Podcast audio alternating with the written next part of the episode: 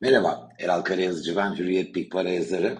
Haziran ayını ortaladık ama bir taraftan da sonuna yaklaştık. Çünkü Kurban Bayramı var. Salı günü öğlen e, yurt içi piyasalar kapanmış olacak ve Haziran perdesi de kapanmış olacak.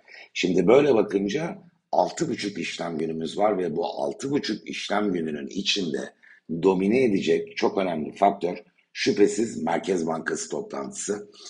22 e, Haziran Perşembe saat 14'te karar gelecek aylardır neredeyse takip etmiyorduk. Takip ediyorduk ama bir piyasa etkisi yaratmıyordu. Merkez Bankası adeta fiyatlamalarda çok e, geri plana giden ve e, e, önemini yitirmiş bir noktadaydı. Şimdi bu değişti. Merkez Bankası yeniden aktif, yeniden oyunda ekonomi yönetiminde ve Merkez Bankası Başkanlığı ile ilgili alınan kararlar, yapılan açıklamalar bir anda tabloyu değiştirdi.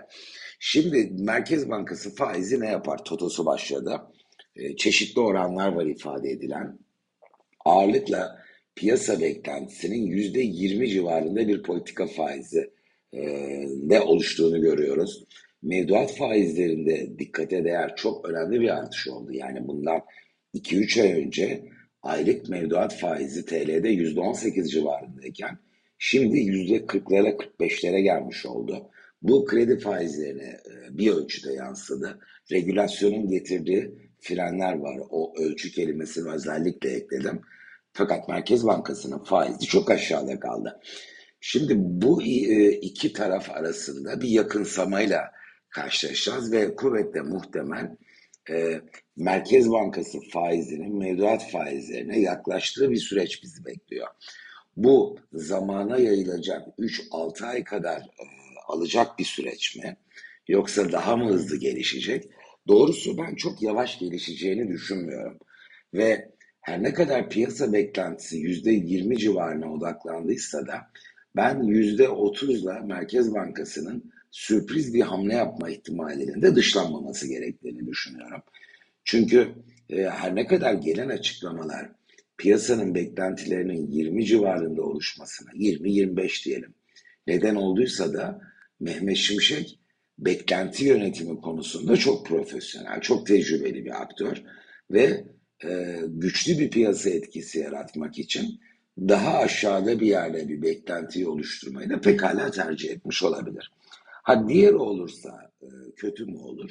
Hayır aslında esas olan çıkılan yol bu e, sürecin e, ara adımları e, daha sınırlı etkileri olacak bir faktör. Eğer Merkez Bankası dese ki ileriye doğru 12 aylık e, enflasyon beklentilerine karşın biz e, o beklentilerin çok altında bir politika faiziyle ilerleyeceğiz. Merkez Bankası'ndan böyle bir mesaj gelse elbette bunun bir piyasa etkisi olur ama e, çok kuvvetle muhtemel. Zaten böyle bir mesajla gelmeyecek, tam tersi gelecek. Ben geldiğimiz noktada e, Türk lirasında ağır değer kayıpları yaşanması riskinin e, çok büyük ölçüde ortadan kalktığını, e, önümüzdeki süreçte Türk lirasındaki nominal değer kaybının diğer döviz kurlarını e, kastederek söylüyorum. E, Türkiye ile e, ilgili ülkenin enflasyonu arasındaki farktan kurdaki artışın daha e, sınırlı kalma ihtimalinin hayli yükseldiğini ne kastediyorum? İkinci yarı yılda piyasanın beklentisi Türkiye'nin enflasyonun 6 aylık dönem için %28 civarında olması. Bu %28 civarında enflasyonun karşı cephesinde Amerika'da muhtemelen %1,5-2 civarında bir enflasyon olacak. Fark ne? %26. Şimdi kur %26 yukarı gitse dolar TL karşısında bu nominal bir değişim olur. Reel olarak bir şey değişmemiş olur. Hatta olması gerekendir bu. Fakat benim görüşüm yeni dönemde TL'nin reel anlamda prim yapacağı, diyelim ki enflasyon farkı bu şekilde 26 olacaksa döviz kurlarındaki artışın %10-12 ile kısıtlı kalmasının muhtemel olduğu veya belki biraz daha üzerinde ama enflasyon farkının altında. Böyle bir sürece yelken açtık. Merkez Bankası kararı, açıklamalar, keza öncesinde kamunun alacağı diğer birçok karar, bütün bunlar e, TL'nin istikrar kazanması adına kuvvetli katkı sağlayacak.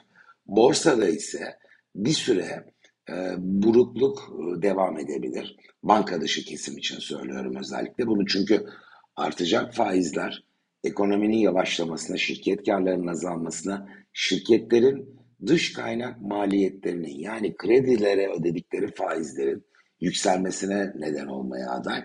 E, bütün bunlar da borsada dolar bazında, kastım TL bazı değil, yukarı yönlü bir hareketleri banka dışında e, zorlaştırabileceği. Fakat bankalar farklı.